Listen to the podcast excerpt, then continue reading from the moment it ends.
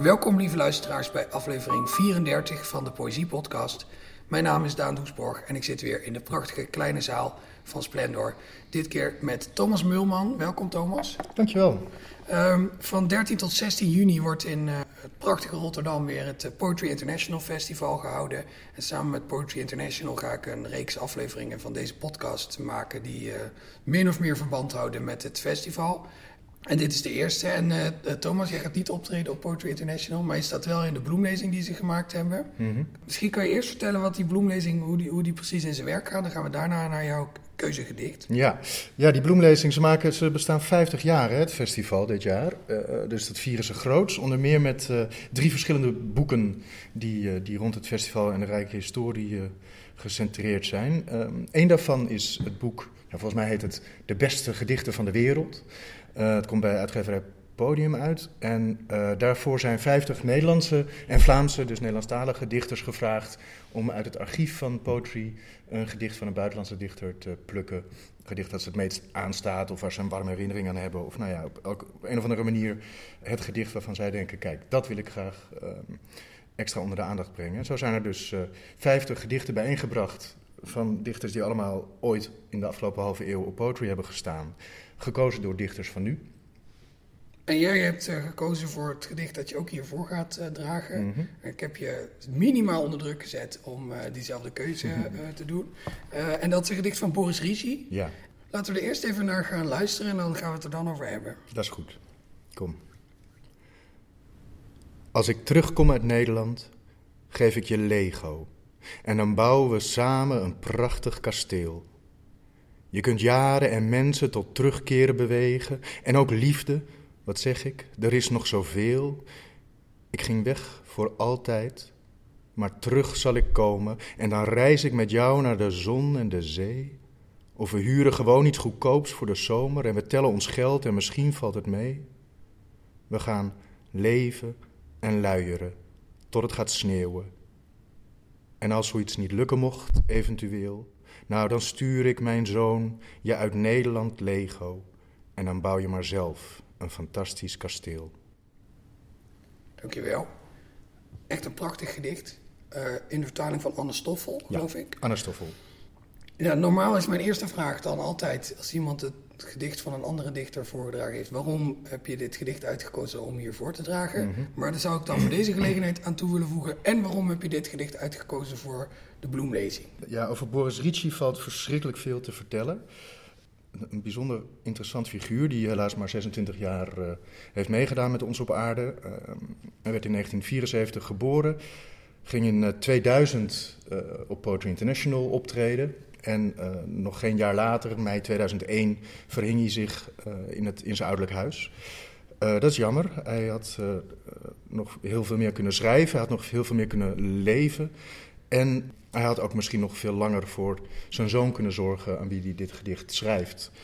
Um, ik vond het zo'n, ja, ik weet niet of ontroerend nou het woord is, maar ik vond het zo'n, het was zowel de anekdote als dit gedicht dat zo gevoelig en toch niet soft is treft gewoon heel erg. Um, en dat, daar speelt inderdaad ook in mee. Kijk, hij schreef dit waarschijnlijk vlak voordat hij naar Rotterdam kwam. Um, hij was uh, gedebuteerd als dichter in uh, Rusland. Hij kwam uit uh, Sverdlovsk, een beetje uit de in industriële provincie. Het was helemaal geen Petersburgse of Moskouse corrivee. Maar, maar was wel enorm naam aan het maken. Hij werd uitgegeven in Sint-Petersburg en hij kreeg een hele belangrijke prijs in Moskou. En hij was een beetje de man met zijn 5, 26 jaar. En tegelijkertijd was hij vader van een kleine zoon van een jaar of zes. En uh, hij had een hele lieve vriendin. En toch uh, trok hij het leven absoluut niet. Um, ging hij eigenlijk ook, naarmate hij beroemder werd uh, als, als dichter... of aanstormender werd als dichter in Rusland... werd het alleen maar erger. hij dronk verschrikkelijk veel. Hij kon de druk niet aan die mensen op hem legden. En wist ook niet meer precies hoe hij zijn gezinsleven... en zijn opkomende literaire roem nou eigenlijk met elkaar moest combineren. Nou, en als een soort van tussentijdse bekroning van, van zijn reizende ster was, uh, was die uitnodiging uit Rotterdam er ineens. En ging hij ook nog eens een keer op een vermaard internationaal poëziefestival optreden voor het eerst buiten zijn eigen land. Hij sprak ook nauwelijks uh, Engels en helemaal verder geen taal behalve het Russisch. En vooruitlopend daarop waarschijnlijk schreef hij deze regels aan zijn zoon. Om hem gerust te stellen aan de ene kant, zoals je kon horen. Uh, van ik kom terug en ik neem wat voor je mee.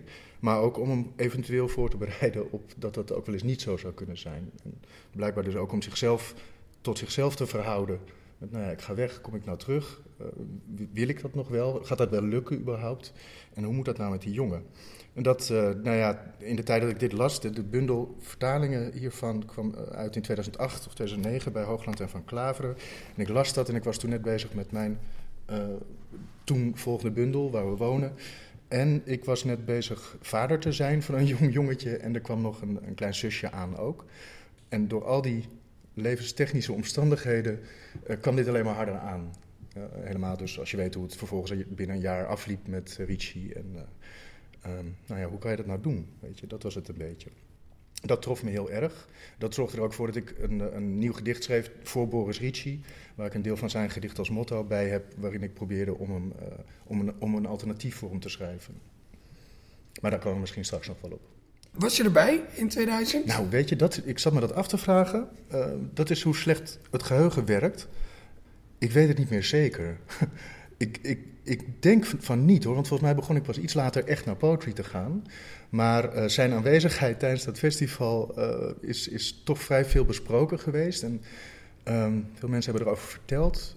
Waardoor ik eigenlijk niet meer zeker weet of ik nou herinneringen heb aan de anekdotes van anderen.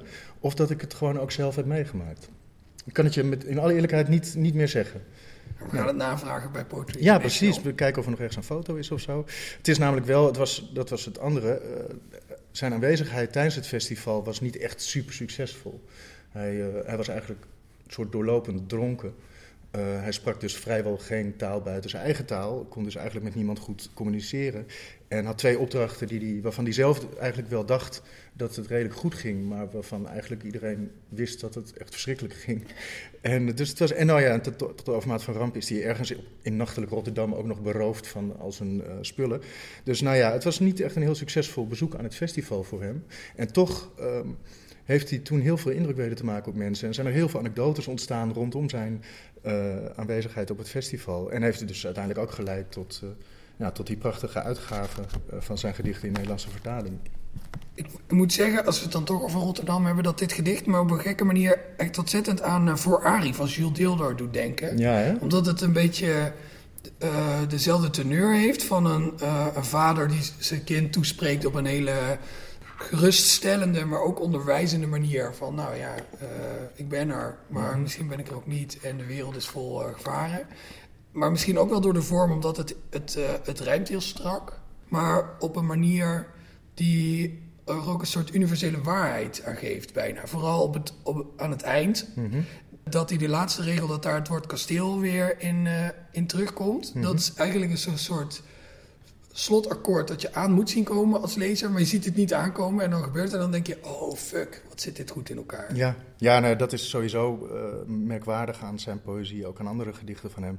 Waarschijnlijk is Anna Stoffel als vertaler daar ook heel erg voor te prijzen, maar het zit uh, technisch uh, zo strak in elkaar. Het is zo... Ja, bij, dus het wemelt van de eindrijm, het, het, het ritme en het metrum zijn echt behoorlijk strak.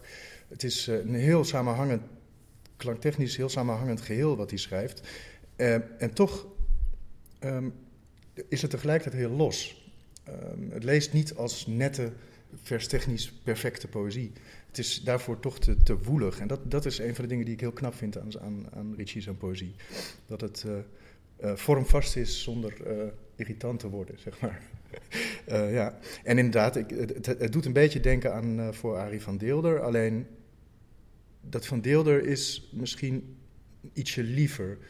Um, hier eindigen we toch met de ja, uh, eventuele mogelijkheid dat het niet gaat lukken en dat je dan vooral zelf uh, moet zien te overleven. Dat ja, je toch dat echt zelf je kasteel moet gaan bouwen.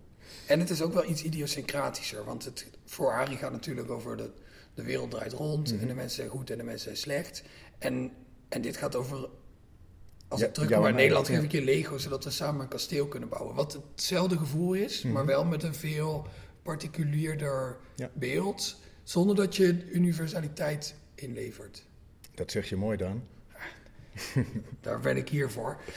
Jij bent zelf natuurlijk ook wel een dichter die veel met metrum en met rijm werkt. Nou ja, ik zou je niet per se een schrijver van hele klassieke gedichten willen noemen, maar toch wel iemand uh, die meer in de lijn uh, Wigman dan in de lijn uh, Astrid Lampen zit. Als je dit dan leest, zuig je dat dan ook meer op als, oh, hier, hier kan ik iets van leren? Of lees je het als een uh, geestverwant uh, dichter van, oh, dit is, dit is iemand uit dezelfde school als ik? Of allebei die dingen niet? Nee, nee eigenlijk beide helemaal niet. Het is niet de poëzie die ik zelf zou willen schrijven. Het heeft niet de vorm die ik zelf zou willen hanteren. Ik, uh, kijk, ik besteed inderdaad vrij veel aandacht aan hoe iets loopt en hoe iets klinkt. Maar het hoeft voor mij niet heel netjes allemaal. en liever niet eigenlijk. En dit is, puur op techniek, is het, is het te klassiek, te traditioneel uh, voor, voor mijn eigen smaak. En daarom vind ik het juist zo knap uh, dat het blijkbaar iets zo goeds heeft dat het niet ergert dat het zo goed in elkaar zit. Het is een beetje zoals met niet alles van Martinus Nijhoff, maar met de goede, het goede deel van het oeuvre van Nijhoff. Daarbij heb je dat ook. Het is een sonnet, maar eigenlijk kom je er pas achter als je erop gaat letten. Want het is vooral een heel sterk gedicht. Uh, en dat heb ik bij Ricci de hele tijd. oh, verdomd. Nou, het rijmt gewoon steeds. Regel 2, regel 4, regel 6, regel 8. Hè? Oh, nou, dat viel me helemaal niet op. Weet je, en dan is er niet per se een toegevoegde waarde als je het wel ziet. Het is alleen wel een beetje knap dat hij dat zo heeft weten te doen op een manier dat ik niet meteen denk van tin, tin, tin, tin, tin, tin, tin, tin, tin, tin, tin, tin, tin, tin, tin. Dus uh, ja, het, ik bewonder hem erom. Het is niet het soort poëzie dat mijn eigen poëzie is. Uh, maar er zit wel iets anders in deze poëzie waar ik, uh, waar ik me aan verwant voel. En waar, waarin ik me vooral ook toen, toen ik met, met die vorige bundel bezig was, aan verwant voelde. Ja, wat me het meeste aanspreekt bij Ricci is dat hij zo merkwaardig. Hij bestaat uit twee extremen als persoon ook. En dat zie je in zijn, in zijn poëzie ook heel erg terugkomen. Hij is aan de ene kant een intellectueel opgevoede. Hij was geofysicus, geloof ik, of zo eigenlijk. En uh, hij is in een intellectueel klimaat opgegroeid, uh, heel belezen. En hecht ook waarde aan, aan zijn huiselijke situatie. Aan de andere kant was hij een echte straatvechter en een hooligan en een uh, ja, bokskampioen van uh, Jekaterinburg. En had hij, ja, was hij doorlopend in vechtpartijen uh, in vechtpartijen verzeild aan het raken en met politie in aanraking aan het komen. Dus had die twee extremen heel erg. En in de tussentijd, wat je in alle niveaus en alle milieus kunt doen, zoop je zich gewoon tamelijk geregeld volkomen klem. Dat hij dat samenbrengt, de chaos en, uh, en, en, het harde van de straat aan de ene kant.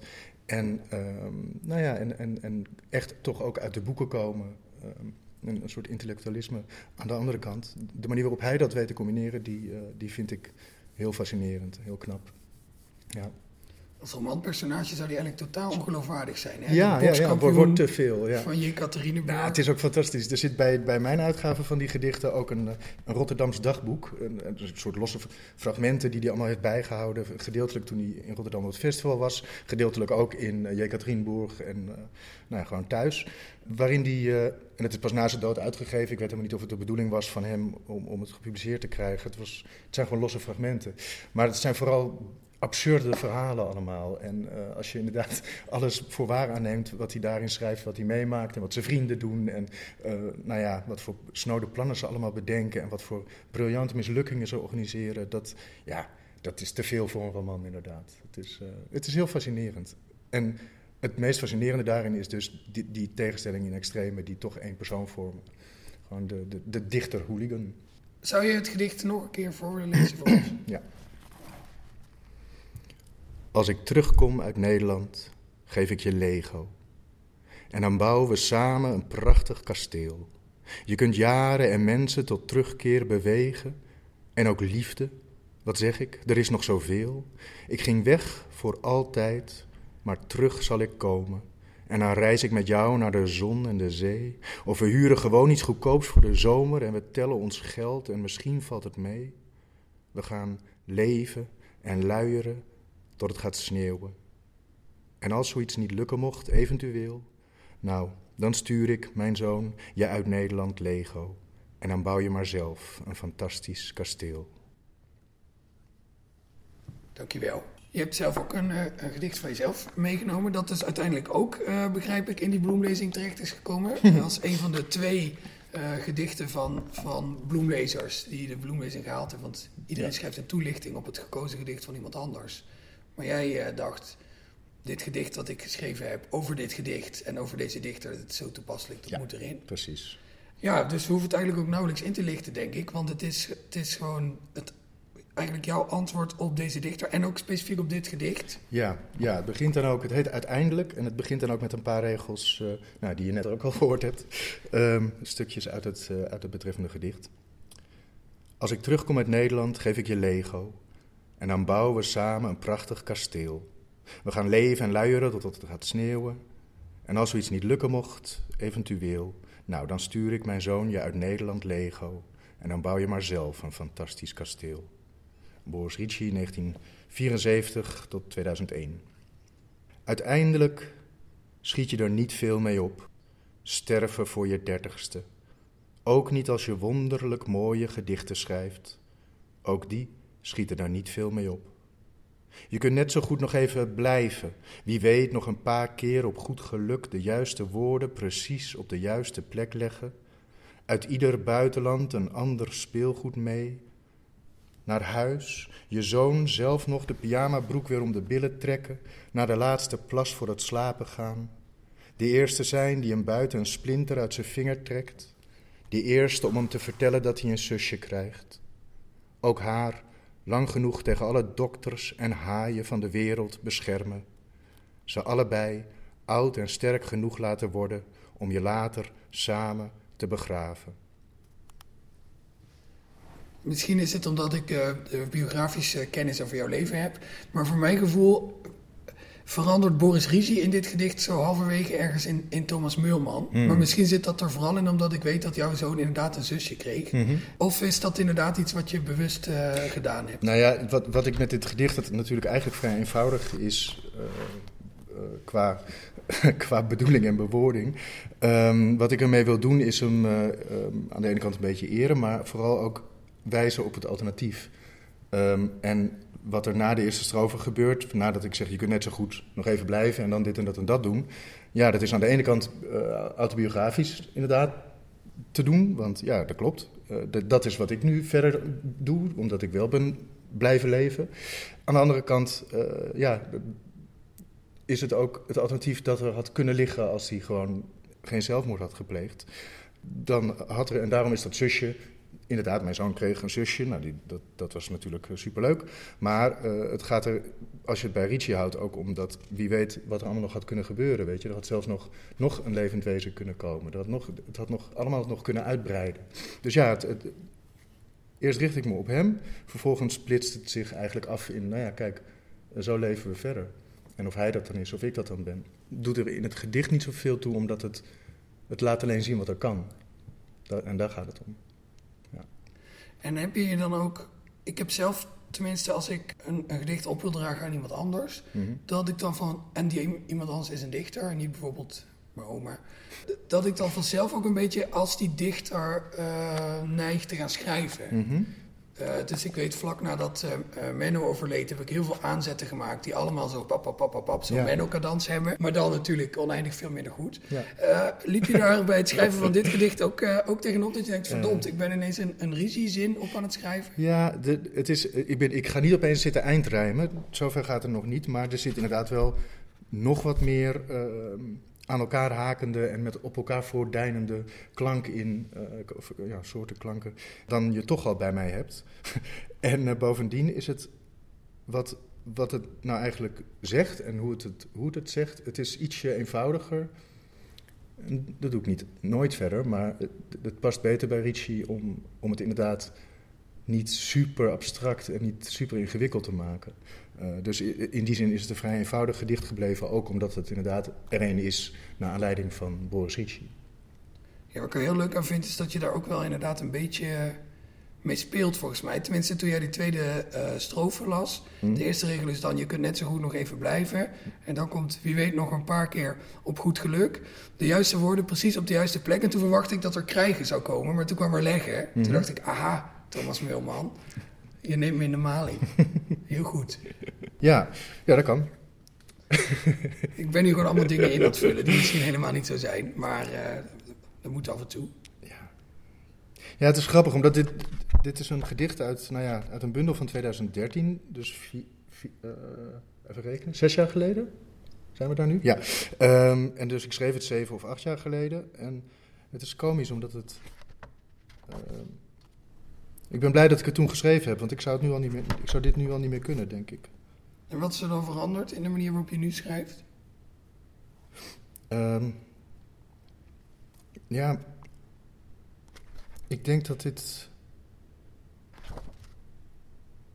Kijk, het blijft natuurlijk. Het is niet alleen maar zacht hè, wat hier gebeurt, maar het is wel, het is wel lief.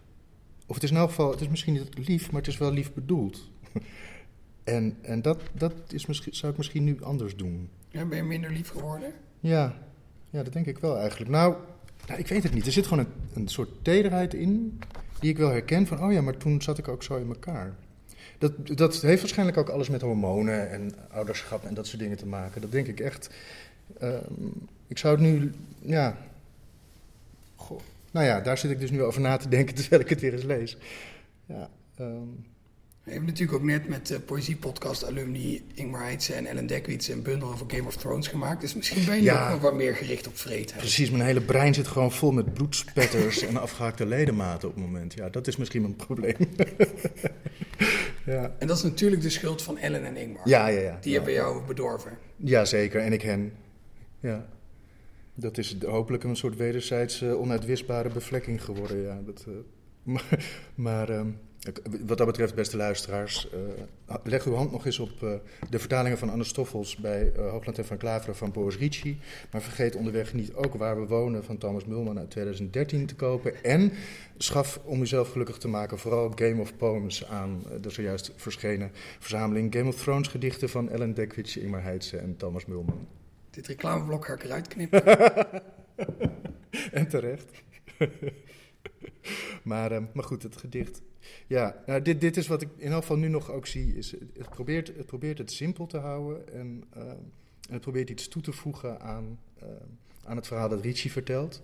Het probeert er een alternatief voor te bieden. En dat, dat ik die behoefte blijkbaar had om dat te doen en dat dus ook daadwerkelijk eh, zo ging schrijven, dat kwam denk ik omdat het me met name zo trof, omdat ik net zelf met een kind zat en dacht, hoe kan je in godsnaam jezelf ophangen als je, als je kind nog niet volwassen is? Ik vind het sowieso nooit een goed idee, maar al helemaal met een jong kind eh, sn- snapte ik dat echt niet. En wilde ik eigenlijk wilde ik hem laten zien dat het gewoon. eh, dat het ook anders had gekund. Ja. Hoewel het. En dan is het nog steeds niet helemaal per se zo dat het een beter is dan het ander. Want ik schrijf natuurlijk. Je, je kunt net zo goed nog even blijven. Ik schrijf niet. Je had even moeten blijven of Ja. zo. Dus iedereen moet het natuurlijk allemaal zelf weten. Maar ja, je kan het wel net zo goed wel doen. En dan eh, heb je nog decennia leven en ontwikkeling te goed. Die hij zichzelf toch maar ontzegd heeft. Ja, je zou natuurlijk ook een gedicht kunnen schrijven waarin eh, een eh, vader die eh, voortdurend met depressie worstelt en, daar en nou ja, daarom is misschien weer Mhm. te veel, eh, maar en die een flink drankprobleem heeft, zijn kind uiteindelijk een heleboel ellende toebrengt. Ja, ja. Ja, je zou ook een tegenhanger van dit gedicht eh, Ja. kunnen maken. Dus wat dat betreft is het inderdaad goed dat er geen toontje in zit van nou, je hebt dit gedaan, dat was dom, wat je had moeten doen is dit. Maar meer gewoon, dit, dit is hoe het gegaan is. Dit is een, een alternatief dat ik hier neerleg, ja. ernaast en niet erboven. Precies, exact. En uiteindelijk, en daarom heet het natuurlijk ook uiteindelijk, komt het op hetzelfde neer. Want je eindigt eh, begraven. Ehm, dit, het verschil is alleen dat je nu in mijn alternatieve universum eh, twee kinderen hebt die groot en sterk genoeg zijn om je te begraven in plaats van, eh, in plaats van niet. In welk jaar stond je eigenlijk op Poetry International? Weet je dat nog? Nou, nee, volgens mij heb ik, ik ben er wel elk jaar, maar echt als festivaldichter Ja? heb ik er volgens mij nog nooit gestaan. Oh, niet? Nee, het is meer dat ik altijd wel. Er is altijd wel iets, eh, een programma of iets waarin je.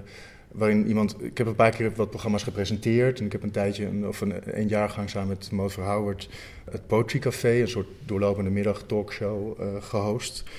Ja, en er zijn vaak vertaalprogramma's geweest waar ik dan wel aan bijdroeg als dichter of als eh, quasi-vertaler of, of als presentator. Dus ik, ik vind het een prachtig festival en er is zoveel tegelijk wat er gebeurt, zowel wat de poëzie als wat vertalingen betreft, eh, waar beweging in zit en wat, wat interessant is. Dat, eh, nou ja, dat ik graag meedoe met, met wat, er, wat er dan ook maar mee te doen is binnen het festival. Ehm, het is echt, ja, eigenlijk gewoon een paar dagen een stroom van gave shit rond poëzie en vertalingen. Ehm, dat is nog eens een slogan, vind je niet? Ontzettend, die moeten ze misschien maar gebruiken. En dan in ruil jouw uh, boeken voor een soort uh, openingsact met uh, trapezes en uh, Ingmar Heidse. Ja, en, en hoepels met vuur. Spandex, hoepels met vuur. Mm. Ja. Ellen Dekkies met een zweep en drie leeuwen of zoiets. Dat. Ik weet nog wel de allereerste keer dat ik mijn gedichten mocht voorlezen op Poetry. Dat was echt nog nou, best een tijdje voordat ik überhaupt debuteerde. Maar dat was dan gewoon zo'n soort van randprogramma in de foyer waarin aankomende dichters mochten optreden. Het was 2000, 2001 denk ik. Misschien was ik dus wel in 2000 op het festival, omdat ik er toen was om zelf ook gedichten voor te lezen, bedenk ik nu. Weet je, dat was je vraag toch? Van was je erbij? Ja, of je hem uh, inderdaad. Uh, en of je, ja. ja, waarschijnlijk was ik er dus inderdaad wel. En dan wel daarom. En heb ik hem dan ook wel echt gezien. Grappig. Maar niet de hand geschud, dat had je dan Nee, nee, dat, dat zou ik echt wel onthouden hebben. En dat heb ik zeker niet gedaan. En uh, nee, ook geen woorden met hem uitgewisseld, want dat zou dus sowieso al qua taal niet mogelijk geweest zijn. Nou ja, gelukkig heb je altijd vertalers. Maar, um, maar goed, die eerste keer toen op Poetry, dat weet ik nog wel. Dat, dat, uh, dat, omdat, toen was, dan is, nu is het gewoon een feest. Weet je, zoals jij of ik of veel mensen ernaar kijken. Het is een feest van poëzie en vertalingen. Um, waarvan, waarvan je probeert in je agenda het zo mogelijk te maken dat je er zoveel mogelijk deel van uit kunt maken. Uh, toen was het gewoon een soort instituut waar je opeens op de drempel mocht staan. Weet je, terwijl je nog niet eens een bundel had. En dat, dat, dat heeft toen wel heel veel indruk op me gemaakt. Ja, maar goed. Zou je misschien uh, jouw gedicht nog een keer uh, voor willen dragen? Ja, zeker. Ja. Oh ja, en dat autobiografische trouwens, waar je eerst naar vroeg. Het grappige is dat een van de weinige licht, uh, niet meteen begrijpelijke dingen aan dit gedicht zijn die dichter, dokters en haaien. Weet je, dat het beschermen van je kinderen tegen alle dokters en haaien van de wereld. Dat was inderdaad een soort. Uh, uh, mijn zoon had op een gegeven moment een operatie waarvoor hij onder narcose moest. En daar kwam hij heel ongelukkig uit terug. Heel angstig. En toen is er heel kort, maar ook heel indringend een periode geweest waarin uh, zijn angst zich ontzettend snel ontwikkelde. Voor, het begon dus bij dokters, maar het sloeg al snel over op haaien. En het werd uiteindelijk alles wat leeft buiten de deur. En dat was een hele merkwaardige periode waar je dan, waarbij ik toen als ouder ook voor het eerst merkte van, oh ja, hier moet je iemand echt helemaal doorheen loodsen en weer bovenop helpen op een manier die, die bestendigt, die, die, die blijft. En dat vond ik nogal een indrukwekkende uh, ervaring als vader. En daarom zitten die dokters naar haaien erin. En ik heb het laten staan, omdat ik, als het alleen maar dit was, zou het een beetje een, een zwakte bot zijn geweest. Maar ik heb het laten staan omdat ik vervolgens, los van zijn angst voor die groepen, dokters en haaien, toch ook dacht, ja, maar dat zijn ook enge verschijnselen. Weet je, haaien, dat is nogal logisch. Dat zijn gewoon een soort medogeloze, gevoelloze uh, moordmachines onder water. Maar dokters, die zijn eigenlijk voor kinderen ook, en misschien ook wel voor veel grote mensen, knijter eng. Hoe goed ze het ook allemaal bedoelen. Ze vertegenwoordigen allemaal gevaarlijke dingen, zeg maar. Dus vandaar dat ik dacht, dokters en haaien, alle dokters en haaien van de wereld is toch universeel beklemmend of bedreigend genoeg om het er dan maar in te houden. Goed, uiteindelijk. Als ik terugkom uit Nederland, geef ik je Lego en dan bouwen we samen een prachtig kasteel. We gaan leven en luieren tot het gaat sneeuwen. En als zoiets niet lukken mocht, eventueel, nou, dan stuur ik, mijn zoon, je uit Nederland, Lego, en dan bouw je maar zelf een fantastisch kasteel. Uiteindelijk schiet je er niet veel mee op sterven voor je dertigste. Ook niet als je wonderlijk mooie gedichten schrijft. Ook die schieten er niet veel mee op. Je kunt net zo goed nog even blijven, wie weet nog een paar keer op goed geluk de juiste woorden precies op de juiste plek leggen. Uit ieder buitenland een ander speelgoed mee. Naar huis, je zoon zelf nog de pyjamabroek weer om de billen trekken, na de laatste plas voor het slapen gaan. De eerste zijn die hem buiten een splinter uit zijn vinger trekt. De eerste om hem te vertellen dat hij een zusje krijgt. Ook haar lang genoeg tegen alle dokters en haaien van de wereld beschermen. Ze allebei oud en sterk genoeg laten worden om je later samen te begraven. Dankjewel, Thomas Meulman. Dit was aflevering 34 van de Poëzie Podcast. Die wordt gemaakt door mij, Daan Doesborg, in samenwerking met de SLA en Vrij Nederland. En dit keer dus ook in samenwerking met Poetry International, dat van 13 tot 16 juni in Rotterdam gehouden wordt voor de 50ste keer. Dus het wordt een grandioos uh, feesteditie met allemaal leuke dingen. De muziek bij deze aflevering, die ongeveer nu wordt ingestart, wordt gemaakt door Bart de Vrees. Bedankt voor het luisteren. Volgende keer heb ik een dichter uit de festivalprogrammering van Poetry International te gast, maar ik ga nog niet verklappen wie het is. Tot dan.